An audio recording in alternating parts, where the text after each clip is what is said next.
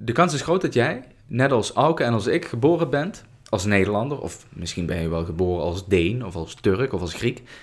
Maar hoe dan ook, allemaal hebben we een nationaliteit. We zijn onderdeel van een staat. Maar waarom zijn we eigenlijk per definitie onderdeel van een natie en hoezo komen we daar niet zo gemakkelijk vanaf? Vandaag in Met Korreltje Zuid. Maak mij maar stateloos.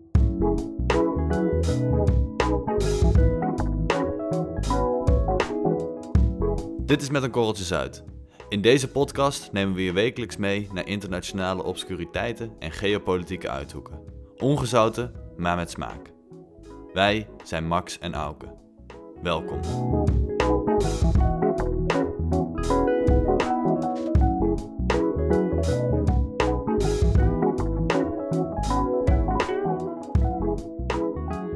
Ja, goeie. Vandaag over eh, stateloosheid.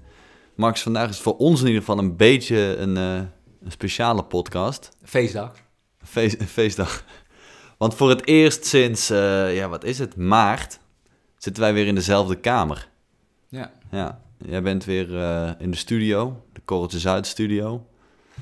En we kunnen elkaar weer in de ogen aankijken. Nu zijn we echt weer live verbonden. Juist, juist. Ehm stateloosheid. Ik was gisteren een boekje aan het lezen van de heer E.H. Carr. Dat is een standaardwerk over internationale betrekking. Goed, doet er verder niet toe. Wat ik wel leuk vond, wat in dat boekje geschreven eh, stond, was het volgende. Als mens zijn we door ons hele leven heen lid van van allerlei verenigingen, instituties, eh, noem het allemaal maar op. Mhm. Sociale eh, verbanden. Ja. Heel vaak is dat vrijwillig. Maar in twee gevallen is dat gedwongen. En het eerste geval is dat namelijk je gezin. Want daar kies je niet voor. Je wordt gewoon geboren, eh, hè, je vader en je moeder. ja. Ja, je vrienden kies je, je familie heb je. Juist. Je trouwens een hele gezellige uitspraak, maar goed, even los daarvan. Eh, en waar je ook niet voor kiest, dat is je staat. Dus jij wordt geboren op een stukje grond. En daar zijn een paar mannen, in, in, in, ja, in de meeste gevallen zijn dat mannen, die vinden dat dat eh, hun staat is. Ja, En dat iedereen die geboren wordt op dat stukje grond, dat die onderdeel moet zijn van die staat. ja. En nu is het zo dat dat voor, de, voor, voor veel mensen een soort van zelfsprekendheid is. Eh, Ja, voor de ook meesten. ons, voor, ook voor ons natuurlijk. Ik bedoel, ik ben gewoon een Nederlander. En daar ben ik eh, aan zich blij mee, want onze staat is op een eh, redelijk georganiseerde manier vormgegeven. Maar stel nou eens dat je daar totaal geen zin in hebt. Ja, ja, precies wat je zegt. Wij zijn Nederlander, eh, onze buren zijn Belgen. Eh, ja, en wat als je daar geen zin in hebt? Dat is best wel een rare vraag natuurlijk, want het, het, gaat toch allemaal prima? Waarom, ja, waarom zou je daar eh, geen zin in hebben? Wat bedoel je? Het is toch fijn dat ik een identiteitskaart heb waarmee ik vervolgens op vakantie kan in Spanje of Griekenland. En het is toch fijn dat de overheid, dat ik daar geregistreerd sta, zodat als het nodig is ik een uitkering aan kan vragen. Ja, Zo'n staat is natuurlijk gewoon een lekker warm bad. Hoe bedoel je?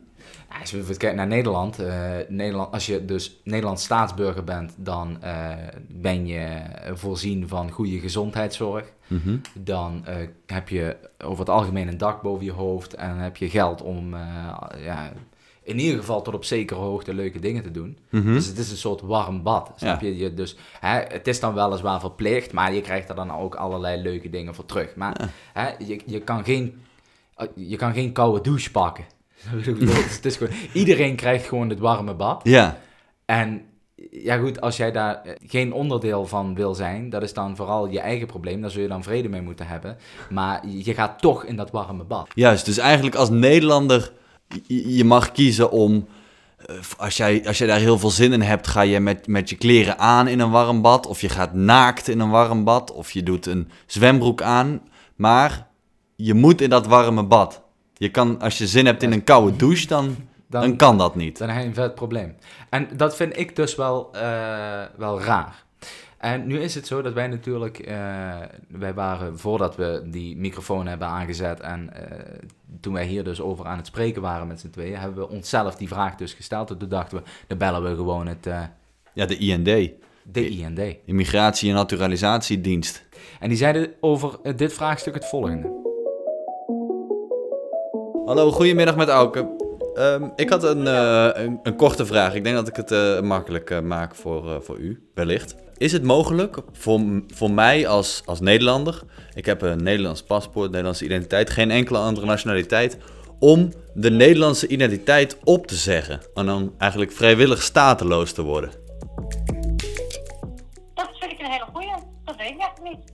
Daar ga ik voor het mij een Jazeker, zeker. Oké.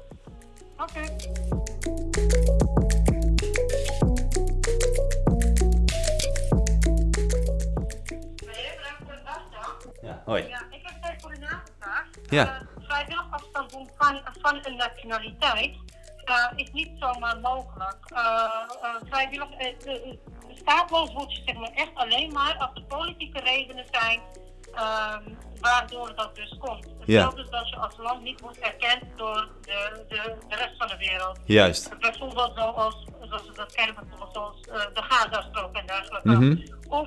Er andere politieke uh, uh, andere zaken spelen, dan wordt het staatloos. Maar als, u als Nederlander kan niet vandaag de tijd moeten staan en zeggen ik wil, ik wil afstand doen van mijn Nederlandse nationaliteit. want er, is, er zijn geen politieke ongeregeldheden of andere zaken daarvoor. Ja, maar dus en echt... Wat dus... u wel kunt doen, is uw Nederlandse nationaliteit verliezen als u zeg maar gaat naturaliseren tot een andere nationaliteit. Dan is dat wel ja. mogelijk. Ja, maar echt, echt vrijwillig zeggen, ik wil stateloos zijn, dat kan volgens het Nederlands recht niet. Nee.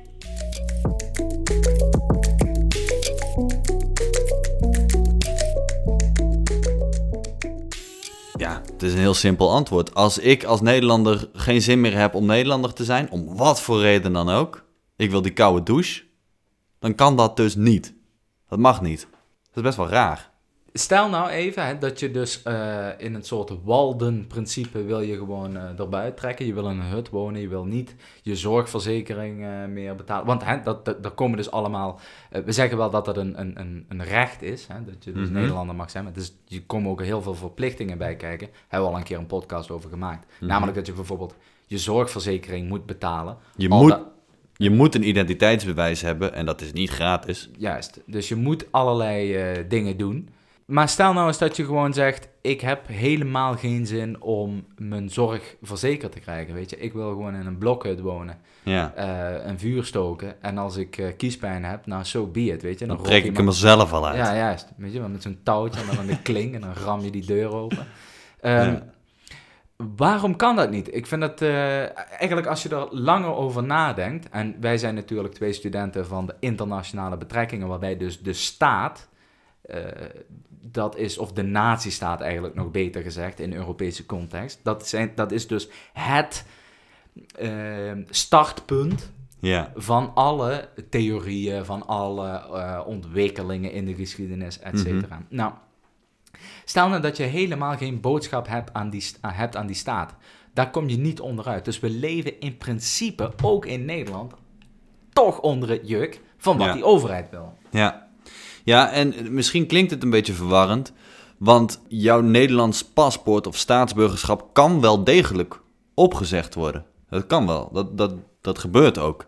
Hm? Maar alleen als jij ook nog een tweede nationaliteit bent. Dus, de, dus als jij een Marokkaanse Nederlander bent, dan kan het zijn, om wat voor reden dan ook. Nou ja, daar zijn zware politieke of juridische redenen voor om iemand zijn staatsburgerschap op te zeggen. Dan kan het. Eh, want dan heb jij nog een soort. eh, ja, je hebt nog iets om op terug te vallen, namelijk je Marokkaanse of Turkse of eh Oezbeekse paspoort. Maar echt stateloos worden kan dus niet. Ja, Dus, maar, Om- wacht, dus waar komt dat concept vandaan dat je jezelf dus niet kunt ontdoen Mhm. van je nationaliteit, zonder dat daar aan het einde van de streep een andere nationaliteit tegenover staat? Met andere woorden, Ja. hoezo kun je niet stateloos worden? Ja, nou, eh, kijk, heel feitelijk komt het neer op een, op een VN-verdrag uit, eh, uit 1954. De, de Universele Verklaring van de Rechten van de Mens, waarin gewoon staat... ieder mens heeft recht op een nationaliteit. Omdat het natuurlijk... eh, het wordt gewoon gezien als wel, ja, wat je zegt, een warm bad. Wie wil nou niet een warm bad? Ongeacht of je een Nederlander bent of een Soedanees, een staat, nationaliteit hebben, geeft je gewoon enorm veel voordelen ten opzichte van iemand die geen nationaliteit heeft. Oké, maar dit is een recht. Ja, Maar eigenlijk is het een soort plicht. ja, Het is een universele menselijke plicht. ja, ja. Ja, misschien, misschien wel. Misschien komt het daar wel op neer. En er zijn trouwens oh, in de hele wereld wel stateloze mensen. Eh, de VN schat dat er ongeveer 12 miljoen mensen op deze wereld rondlopen die stateloos zijn. En dan zijn dat Hoeveel? 12 miljoen. 12 miljoen. Ja. Ja, ja. Oké, dat is ongeveer 75% van de inwoners van Nederland zouden dan eh, zonder nationaliteit rondlopen op deze aardkloot. Vind ik een redelijk serieus aantal mensen. ja. Heb jij een idee waar zich dat eh, volk dan bevindt, naar schatting? Ik neem aan dat dat niet allemaal mensen zijn die in een hutje zijn gaan wonen. Nee. Als een soort, eh, hoe noem je dat, eh, Into the Wild, Alaska-achtig eh, concept waar je dan helemaal besjes gaat Het is heel druk daar in Alaska, hè? Er zitten 12 miljoen mensen in bussen. Zeker met die corona, corona eh, dinges. Nee, alleen al in Europa wordt er geschat dat er eh, iets meer dan een half miljoen mensen stateloos zijn. Maar dan moet je dus ook bijvoorbeeld denken aan ehm zigeuners, Roma. Overigens hebben we daar eh, een half jaar geleden een eh, mooie podcast over gemaakt. Dus luister die ook zeker even terug. Ehm, dat, dat, dat zijn ook mensen die eh, niet altijd veel Roma in Nederland. Ja, ik heb, uit mijn hoofd zijn alle Roma in Nederland gewoon Nederlands staatsburger. Maar is Nederland ook niet, niet per definitie een, een, een land waarin de Roma nou zo eh, voltallig vertegenwoordigd zijn? Nee, nee, ik denk meer in Roemenië. Maar die, die, die, die, hebben vaak wel, die zijn vaak wel stateloos. Ja. Dus die vallen dan, eh, dan val je echt enorm tussen wal en schip. Kan je nergens heen. Zei jij niet dat Anne Frank ook stateloos was? Ja, Anne Frank is eh, misschien wel het, het, het bekendste voorbeeld. Want Anne Frank eh, was dus helemaal geen Nederlander. Zij is geboren in Duitsland. Ze was Joods, dat zal je misschien verbazen. Dat is mij compleet nieuw. Ehm, Maar is- wacht even, maar eh, oké, je- maar Joods is natuurlijk geen nationaliteit. Nee, nee, nee. Maar even een achtergrond van wie Anne Frank is. Ah, oké, nee, ja. Ehm, In ieder geval de mensen weten over wie we het hebben. juist. Nou, toen natuurlijk naar, naar Amsterdam verhuisd. Ehm, maar was... Maar eh, ja, toen eh, hè, die nazi's daar een beetje eh, aan de macht kwamen... hebben ze op een gegeven moment alle Duitse Joden die buiten Duitsland woonden... eh, ja, linea recta, eh, het paspoort, eh, de staatsburgerschap afgepakt. Ja, in het geval van Anne Frank, die had geen andere nationaliteit. Dus die was stateloos. En die is toen dus ook als stateloze Joodse eh, naar het concentratiekamp vervoerd. Ja, dus zij is wel een van de bekendste stateloze mensen ooit. Ook Albert Einstein trouwens. Is ook een moment geweest dat hij stateloos was. Eh, uiteindelijk Zwitser geworden. Ja. Wat mij dus verbaast, is dat het geen mensenrecht is om stateloos te zijn. Ja, Snap je wat ik bedoel? ja. Dus dat je gewoon mag zeggen, nou, al die... Want uiteindelijk, hè, en ik ben geen... eh, dit is misschien voor de mensen die wat minder ingelezen zijn in die theorieën over die staten, maar er bestaat dus zoiets als het constructivisme. En dat betekent eigenlijk, eh, ja, in, in, even heel makkelijk en kort door de bocht, dat alles een soort construct is, ofwel een soort eh, idee bedacht door de mensen. En daar zijn staten dan dus eh, een onderdeel van, of taal, of whatever. En ehm, het, ik vind het dus raar dat eh, in dat licht het dus niet een recht is om je als mens te ontdoen Mhm. van die constructen. Want uiteindelijk, als we eerlijk zijn, een staat, dat hebben we zelf bedacht. Het is niet zo dat, dat, dat de wereld, Ja. als in, dat de natuur op de proppen is gekomen met, met staten. Wat ik dus probeer te zeggen is het volgende. Waarom kunnen we niet gewoon zeggen, ik heb helemaal niks op met dat concept staat. Ik heb niks op met die institutie die mij, die, die weliswaar heel graag voor mij wil zorgen, maar ik, ik weiger dat. Ik denk dat het, ja, wat je zegt, het, het, de staat is natuurlijk een construct. En natuurlijk is dat ook zo, want de, de grens tussen Nederland en België is niet meer dan, dan, dan een tiental eh, grenspaaltjes in, in Brabant en Limburg. Ehm, En Zeeland. Zeeland. Maar ehm, kijk, het principe staat, hè, wat we nu een land noemen, een staat, een, dat, dat bestaat pas sinds, eh, ja, er wordt gezegd de vrede van Münster in, in 1648. Maar eh, dus het principe van Nederlander zijn en een Nederlands paspoort hebben, dat bestaat pas sinds toen. Het is de nazistaat. Juist. Dus dat een bepaalde natie ook is gebonden aan een bepaald grondgebied. Ja. Met andere woorden, dat de Nederlanders dus horen op het Nederlandse grondgebied. En Ja. dat de Duitsers horen waar de Duitsers zich nu bevinden, namelijk ten oosten van Nederland. Maar daarvoor had je natuurlijk, je behoorde altijd al wel tot iets. Al was het een, een stam, of je viel onder een bisdom, of onder een leenheer, of onder een koning. Dus, het, dus, dus mensen vielen altijd al wel ergens onder. Het, het bestond natuurlijk eigenlijk nooit dat je nergens onder viel. Nee, maar het verschil is natuurlijk dat je eh, zo'n zo'n staat na de vrede van Münster, die heeft wel vo- de volledige soevereiniteit gekregen over de inwoners op dat grondgebied, snap je? Want Ja. van tevoren, als je dus kijkt naar wat ze dan wel eens de, dat noemen ze dan wel eens medievalism, en dat is eigenlijk de absentie van een soevereine eh, macht, Ja. omdat er dus sprake is van eh, zowel een, in sommige landen dan een koning of leenheren op bepaalde gebieden, of eh, hoe noem je die dingen, de, de, de, de hertog of whatever, Ja. samen met een eh, geestelijke macht, en dat, is, dat was dan in Europa in de middeleeuwen de kerk, Ja. eh, die dus allebei probeerden om dat volk enigszins te schikken naar wat zij dachten dat, dat goed was. Dus er was niet één soeverein element Ja. boven al die volkeren. En dat heb je sinds de... De vrede van Münster wel. Juist. Ja, dus het is, misschien is het er gewoon door de, door de millennia, door de eeuwen heen is het erin geslopen. Is dat het misschien? Dat we het er gewoon langzaam, stapje bij beetje, zijn wij onderdeel geworden van een nazistaat. En nu kun je daar niet meer zomaar onderuit. Ja, maar waarom noemen we dat dan een recht? Nou, omdat natuurlijk, Je hebt kijk, toch geen keuze? ja, maar is het niet, is het niet ook zo dat, dat, in principe is iedereen het er toch mee eens dat het veel fijner is om in een warm bad te gaan zitten dan onder een koude douche te gaan staan. Dus misschien is het gewoon dat we er wel een soort van algemeen van uitgaan dat iedereen dat heel fijn vindt en het toch wel voordelen met zich meebrengt. Maar ja, aan de andere kant, ik zat nou ook te denken, jij, jij- zegt, maar ook de IND die we dus net eh, aan de lijn hadden, eh, je kan dus niet stateloos worden, maar dat kan dus niet volgens de officiële regels en wetten. Maar als jij toch wel gewoon zegt, ik heb, ik heb schaat en alles, dan kan dat toch nog steeds. Je kan toch gewoon op een hutje op de hei gaan zitten en je zorgverzekering niet betalen en geen belasting betalen. En, Maar ik neem aan dat je dan uiteindelijk, dan komt iemand langs. Dus dan komt er een ambtenaar langs. Die zegt, hé, hey, je betaalt je zorgverzekering niet. Of hé, hey, Ja. we hebben geen belastingcommunicatie van jou gekregen. Of hé, hey, we hebben dit niet. Hé, hey, wat, wat doe je op die hei? Of hé, hey, wat, eh, waarom doe jij niet mee aan ons systeem? Dus uiteindelijk zal dat toch wel Hmm. eens... Ik denk dus dat het in Nederland uitgesloten is om in een hutje op de hei te gaan zitten. In hoeverre er ook nog trouwens hei is in Nederland. Maar eh, heide eigenlijk. Ehm, bij Tilburg zit eh, een stuk heide.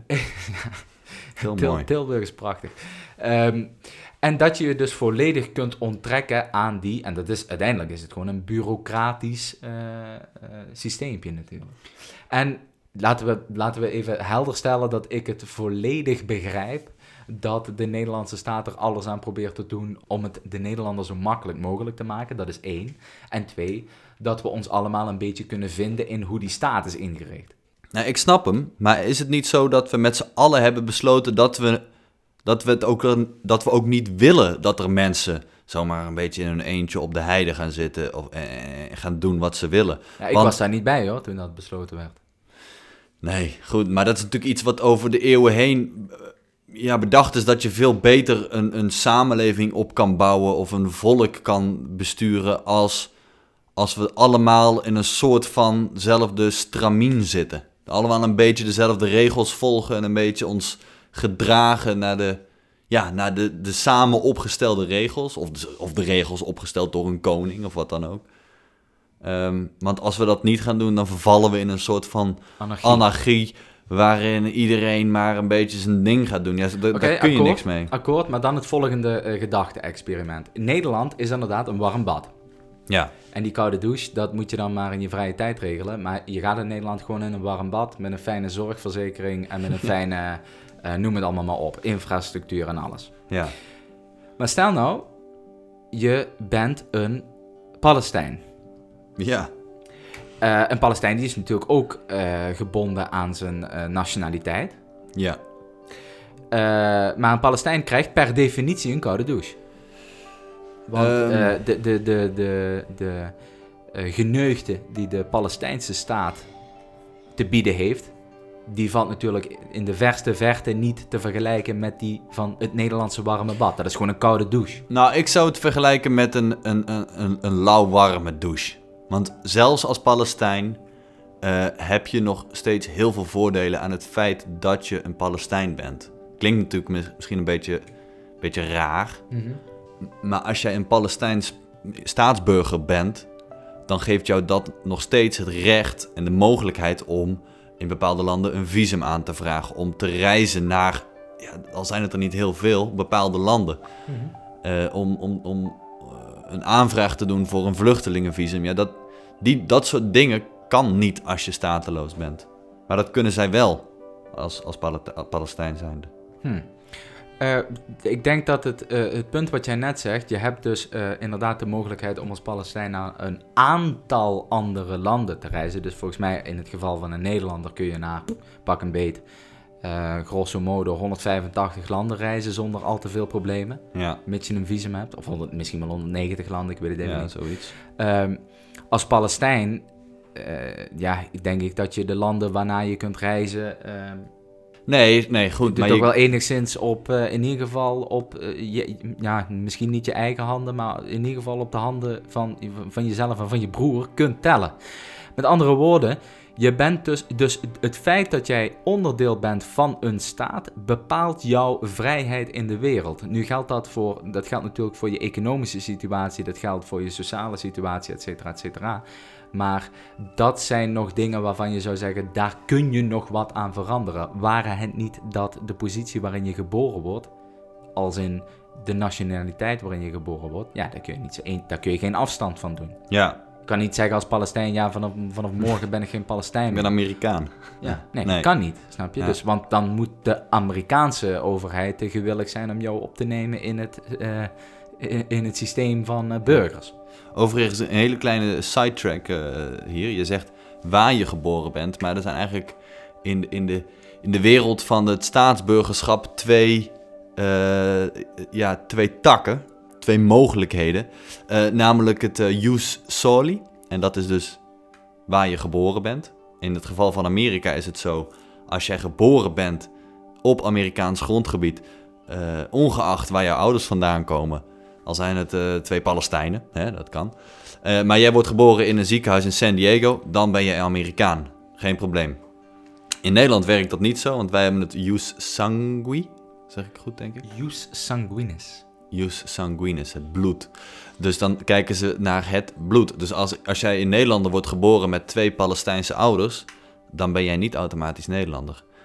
Dus het gaat er in Nederland om, zijn jouw ouders Nederlander? Dan word jij ook Nederlander. Mhm. Het feit dat je Palestijn bent, geeft je wel de mogelijkheid om je bij het IND aan te melden. Ja, juist, dus te zeggen. Dus waar het niet dat zij andere redenen hebben, andere redenen hebben, Ja. om eh, bij het IND aan te bellen en te zeggen, hé, hey, eh, ik, ik weet niet hoe het zit, maar ik kom in een oorlogsgebied, of ik kom uit eh, de Gazastrook, totaal afgesloten van de buitenwereld met een gefaald zorgsysteem.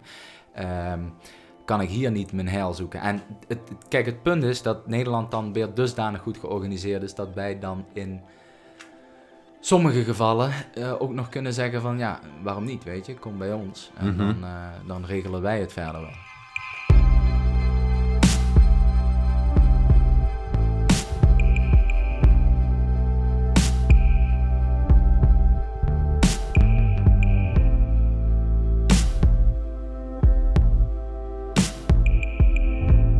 Is er niet ook zo'n dude die als stateloze heeft geleefd in die airport van Parijs, die eh, Charles de Gaulle Airport. En daar is een film trouwens van gemaakt. De Terminal. Ja, ja, ja, de terminal. Ja, klopt man. Ja. Eh, Hoe zit dat? Dat- Dat was zo'n. eh, hij was stateloos, geloof ik. nou, hij was in principe een Iranier. Mehran Nasseri heet hij. Hij was in principe Iranier. Ja. Ja. Zijn verhaal is, is, is rete boeiend.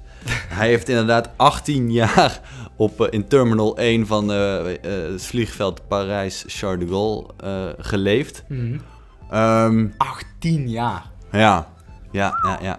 En ja, zijn verhaal, ik zou mensen aanraden, lees heel even zijn Wikipedia-pagina. Dat is- Hij is namelijk wel het voorbeeld van iemand die heel graag toch de koude douche wil hebben in plaats van het warm bad. Ehm, hij claimde namelijk dat hij uit Iran gezet was, omdat hij bij de oppositie hoorde en bla bla bla. Ehm, en zijn moeder was Brits, dus hij eh, dacht: ik ga naar Groot-Brittannië en ik ga daar het staatsburgerschap nemen. Ehm, maar onder, onderweg is hij blijkbaar zijn tas met al zijn, al zijn papieren en dergelijke kwijtgeraakt. Dus ja, hij is gevlogen naar Parijs-Charles de Gaulle.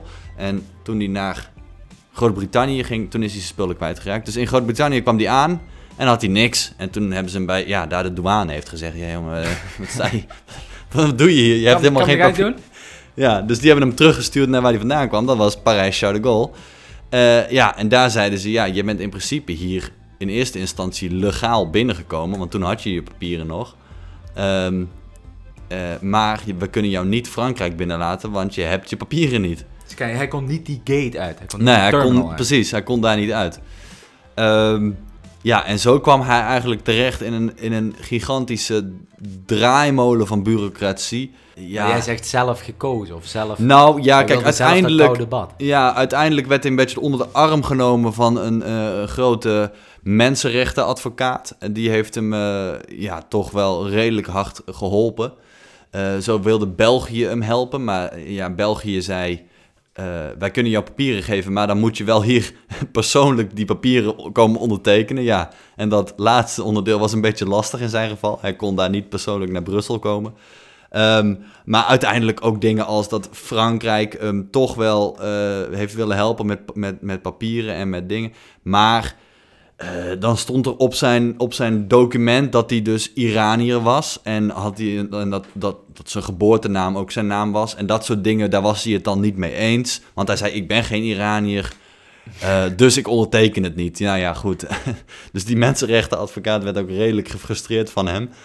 Eh, want hij had gewoon heel vaak de kans om toch wel uit dat, uit dat vliegveld te komen. Maar bewust papieren niet ondertekend, omdat hij het dan met de details niet een was, eens was. Nou, en terecht. Kom nou. Ja, hij wou gewoon het kou- hij wou de koude douche en heeft de koude douche genomen. Maar hoe zit het nu met hem dan? Want Ja. je zegt hij heeft de koude douche genomen. Wat, wat, dan? Nou, uiteindelijk sinds 2008 is hij wel uit het vliegveld. Had te maken met dat hij ook het, het, het, het, eh, ja, medische klachten had. Dus hij moest het ziekenhuis in. En volgens mij is hij toen toch wel een beetje in die draaimolen gekomen van... we gaan jou toch als een soort vluchteling helpen. En het laatste wat over hem bekend is, is dat hij nu in Parijs in een soort... Ref, ja, hoe zeg je dat? In een refugee camp. In een vluchtelingenkamp. Ja, daar, eh, daar zit hij in een shelter, staat er. Hoe spendeer je trouwens ook je tijd 17 jaar lang? Of wat zeg je, 18 jaar lang Ja. in, een, in een terminal op een airport... waar alleen maar eh, ja, volk langs, langs dromt om in, Ja. in zo'n vliegtuig te stappen. Nou, hij, had zijn, hij had zijn eigen hoekje. Hij had echt een hoekje gecreëerd. Hij heeft zijn tijd natuurlijk... eh, hij heeft een boek geschreven, The Terminal Man. Zo, Ehm, toepasselijk. hij schreef veel. Hij studeerde blijkbaar economics, economie. En eh, hij kreeg eh, eten en, en, en de krant gewoon van het, eh, ja, het, vliegtuig, of het vliegveldpersoneel. Ik bedoel, ik kan me voorstellen dat als je daar eh, 18 jaar zit... op een gegeven moment ben je natuurlijk een soort cultheld op Parijs-Charles de Gaulle. Iedereen kent je, de medewerkers van de, van de McDonald's en de Starbucks. Die weten allemaal wie... Oh, die, dat is die gast in Terminal 1. Ah, breng hem een koffie. Breng hem wat frietjes. Maar dit is natuurlijk een heel exceptioneel eh, voorbeeld. Maar Mhm. we weten dus dat er, of we schatten dus eigenlijk, moet ik zeggen, dat er dus in Europa een half miljoen stateloze mensen Ja, zijn. ja. Ehm, maar niet op vliegvelden. Nee, goed, daarom zeg ik, het is een extreem voorbeeld. Eh, zijn dat wat we in het Nederlands noemen de vreemdelingen? Eh, ja, nou goed. eh, volgens mij, dat is een goeie. Want de vergelijking die je nu maakt is een beetje hetzelfde als alle homo's zijn man, maar niet alle mannen zijn homo's. Dus alle statelozen zijn vreemdeling, maar niet alle vreemdelingen zijn stateloos. Hmm. Snap je? Dus, ja, bijvoorbeeld Syriërs, dat zijn ook vreemdelingen, maar die zijn wel Syriërs. Syrië. Ja. Helder.